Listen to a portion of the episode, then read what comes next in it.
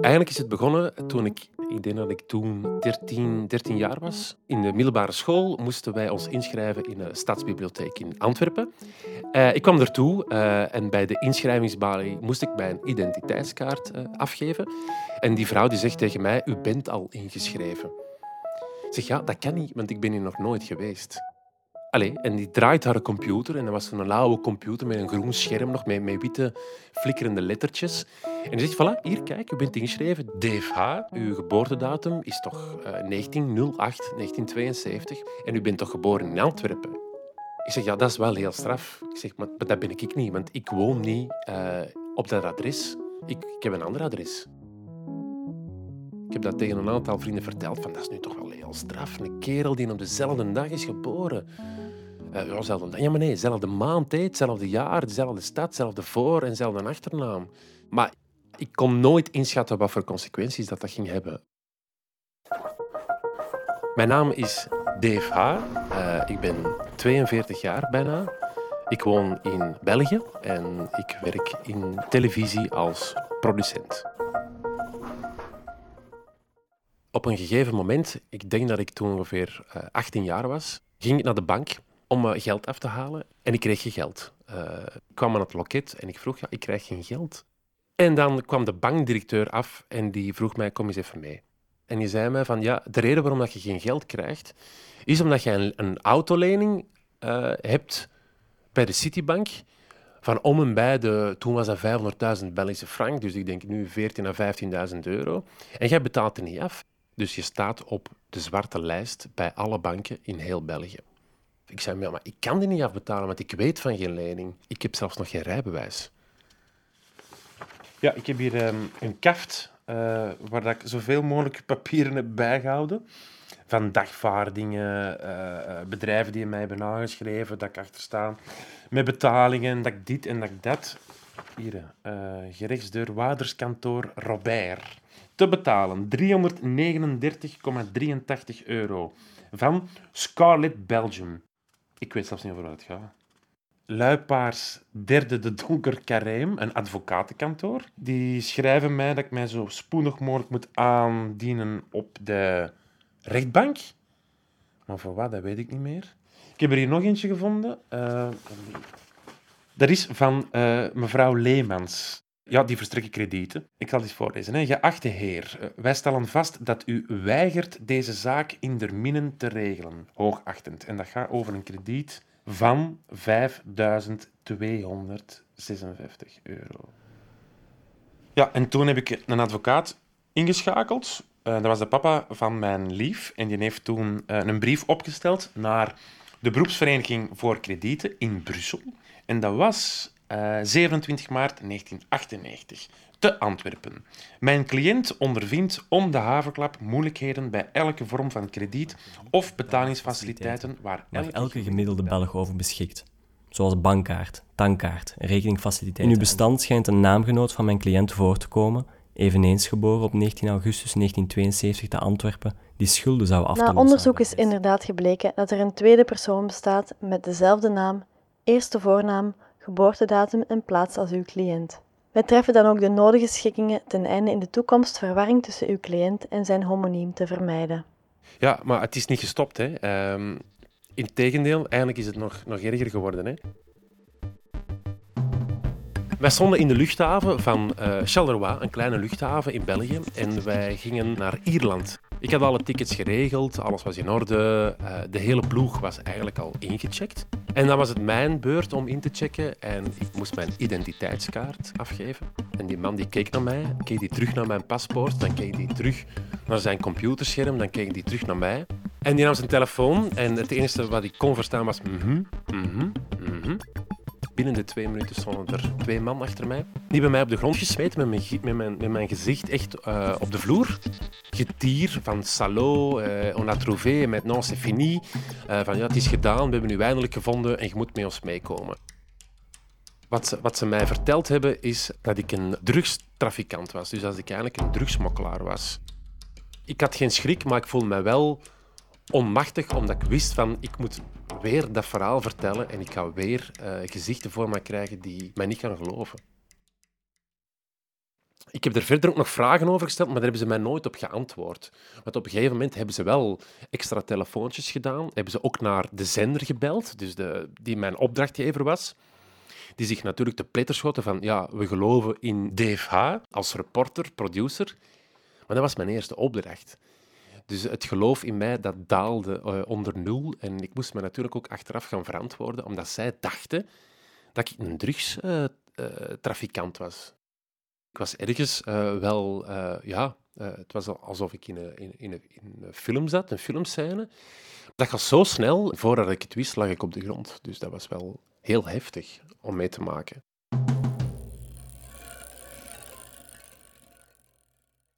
We zijn nu om en bij twintig jaar verder. Uh, ik ben al een aantal keer verhuisd, dus mijn adres is ook al gewijzigd. En ze blijven mij nog altijd vinden. Straffen is dat er zelfs uh, deurwaarders aan mijn deur uh, hebben gestaan, terwijl dat de rekeningen op een ander adres staan. En toch kwamen die naar mij. En dan leg ik uit van, ja, maar ja, uh, op uw papier staat een adres in Berchem, maar je, staat hier in Duffel. Maar ja, maar zegt hij, je heet wel DFH? Ik zeg, absoluut, maar ik woon niet daar. Dat is een naamgenoot. Ja, maar ja, je bent geboren op die dag, die maand, dat jaar in die stad. Zeg, dat klopt, dat is waar, maar ik woon hier en hij woont daar. Als zij het niet geloofde, deurwaarders, dan zit ik wel met de gevolgen en met de consequenties. En dan heb ik plotseling geen internet meer. Uh, mijn telefoon uh, wordt afgesloten. Ik kan niet meer bellen. Mensen kunnen mij niet meer bereiken. Dus dan heb ik in de fan... Uh, kort week is in mij, hè, in, vooral dan in mijn communicatie. Want daar zit vooral ook het probleem. en als ze mij geloven, omdat ik heb kunnen bewijzen dat ik er eigenlijk niks mee te maken heb, dan krijg ik wel nieuwe rekeningen omdat ik mij terug moet aansluiten. Ik moet mijn, mijn, mijn abonnement terug uh, in gang zetten. Ik moet terug dit betalen, ik moet terug dat betalen. En dat kost dan weer 80 of 100 euro. Uh, en zo is dat al heel mijn leven. En in de fond um, zou ik een, een, schadevergoeding moeten vragen aan al die bedrijven. Van mannetjes, oké, dat is mijn schuld niet. Maar op een gegeven moment, allee, dat, dat is moeilijk voor te stellen. Ze zijn dat zo kotsbeu als er dan een rekening binnenkomt van 80 euro om je terug te kunnen aansluiten, dan is wil je zo graag terug bereikbaar zijn, omdat je ook wel verantwoordelijkheden hebt op je job. Je hebt een kind, dus je moet wel bereikbaar zijn. Uh, dat je zegt gewoon, what the fuck, jong, ik betaal die 80 euro en ik ben er vanaf. Als ik terug een telefoon moet gaan doen, en dat is niet één telefoon, maar dat zijn er een stuk of tien, om weer erom dat verhaal uit te leggen, om 80 euro misschien terug te krijgen, allee, dan zijn we een half jaar verder en daar heb ik geen zin meer in. Echt niet opdrachtgever naar ons, dus naar de deurwaarder stapt, dan geeft hij onze persoonsgegevens en dat is dat naam, voornaam en geboortedatum. Maar de eerste reflex als zo'n verhaal horen is natuurlijk van, uh, ja, redelijk onwaarschijnlijk. Hè. U moet weten dat nog wel vaak geconfronteerd worden met meestal onterechte betwistingen omwille van identiteitsmisbruik. Dus ja, we zijn daar nog wel achterdocht over, ja. Maar wat er gebeurd zou kunnen zijn, is dat, dat hij niet officieel adres heeft opgegeven. Hè op, op zich is het heel gemakkelijk om online een contract aan te maken op naam van iemand anders. En ik kan u zeggen, het aantal dossiers in de energiesector op naam van Saddam Hussein bijvoorbeeld, dat is echt niet meer op één hand te tellen. Hè. Het probleem is, al die dingen, dat is tegenwoordig allemaal computergestuurd en geautomatiseerd en daar zit bijna niks, niks menselijke controle niet meer tussen. Nadien is het voor ons heel moeilijk om te bewijzen dat u het bent die dat contract heeft afgesloten. Want, want als u facturen krijgt, dan kunt u gewoon zeggen, nee, ik ben dat niet. Daarvoor denk ik hem wel heel hard van. Hè. Allee, ik verdenk hem niet, hè. ik weet dat gewoon. Hè. Die is dat bewust beginnen te misbruiken. Dat kan niet anders als je ziet wat er allemaal is gebeurd. Hoe kan hij bewijzen dat het niet is? Dat, dat wij de verkeerde van de twee vast hebben. Dat is heel moeilijk. Ja, dat besef ik, dat is heel moeilijk. En het is ook daarom dat ik zoiets heb van... Waarom verandert hij zijn naam niet? Nico, Mark, uh, Jan, dat, dat, gaat allemaal niet lukken. Het moet echt een, een, een, een belachelijke naam zijn. Dus dan ben ik uh, uh, samen met mijn vriendin naar boekenwinkels gereden. We hebben erin boeken zitten bladeren voor ja, mensen die dan op zoek zijn naar een naam voor hun kind. en ik ben dan uiteindelijk heb ik gekozen voor Nestor. Ik moest dan naar het gemeentehuis in Borsbeek. En er zat zo'n vrouwtje achter weer, wederom een balie. Dus die vrouw die vroeg aan mij van, oké, en welke naam hebt u dan in gedachten? En ik zei, Nestor. En die keek op naar mij en die zei, uh, zijn daar wel zeker van?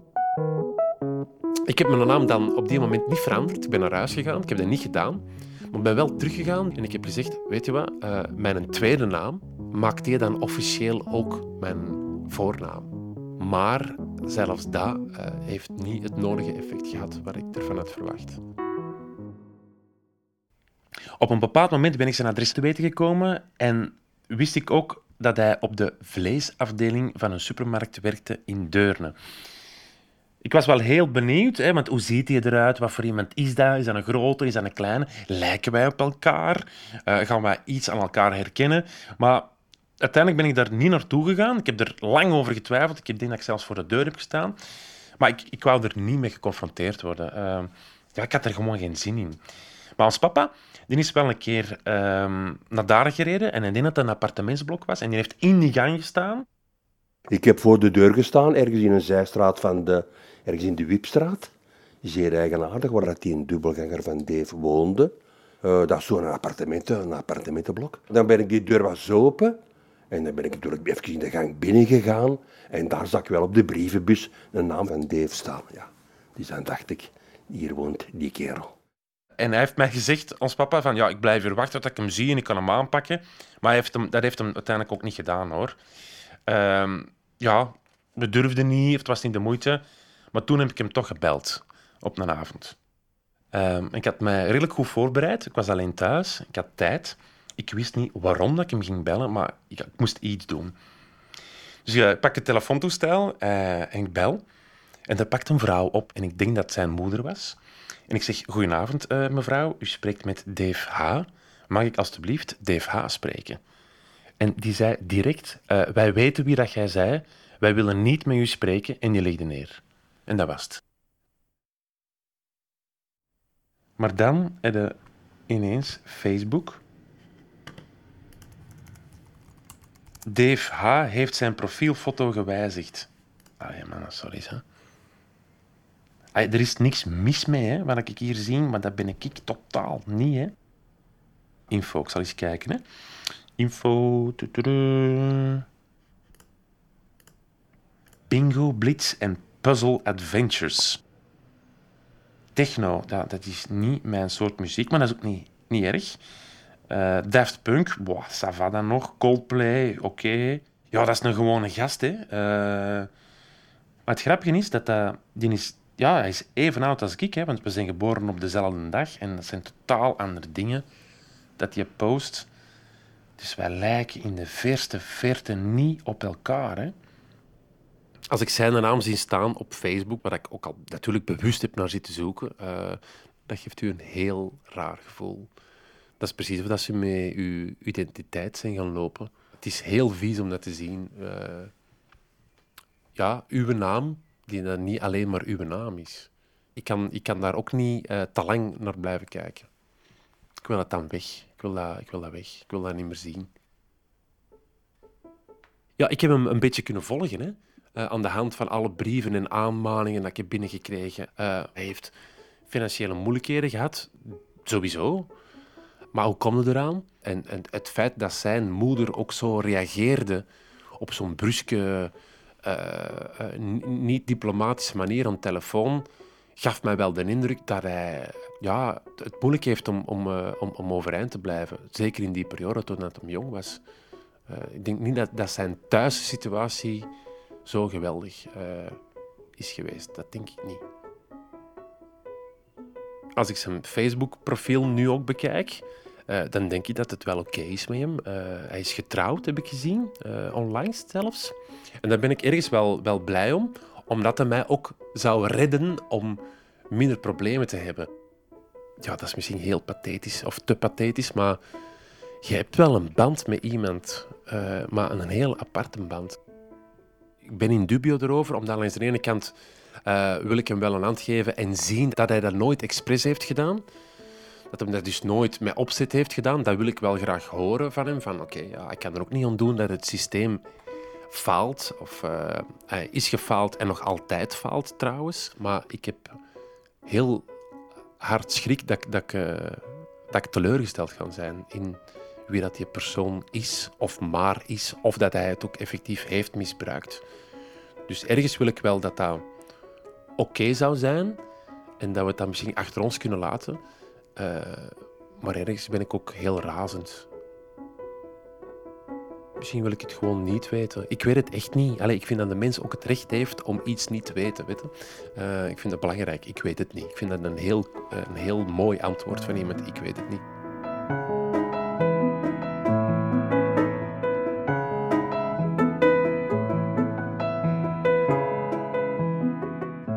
Dat, natuurlijk bestaat hij, dat kan toch niet anders? Of anders moet dat een waanzinnige, uitgerokken 1 april joke zijn van iemand die bij mij in de klas zat toen ik 12 jaar was. Maar een geweldig verhaal dan, echt. Uh, hoe heet die film nu weer, waar dat alles uh, blijkt niet waar te zijn? The Truman Show? Dan zou het dat zijn, geweldig. En dan hebben ze ook een, een, uh, een geweldig Facebook-profiel aangemaakt van de andere. Een moeder die heeft meegespeeld aan telefoon. Ons papa die een onverwachts aan een brievenbus heeft gestaan bij hem thuis, waar dat dan de juiste naam op plakte. Het verhaal van in een vleesafdeling werken. Ja, geweldig. Die kerel die neem ik direct aan. Echt top. Stel je voor, jong. Stel je voor.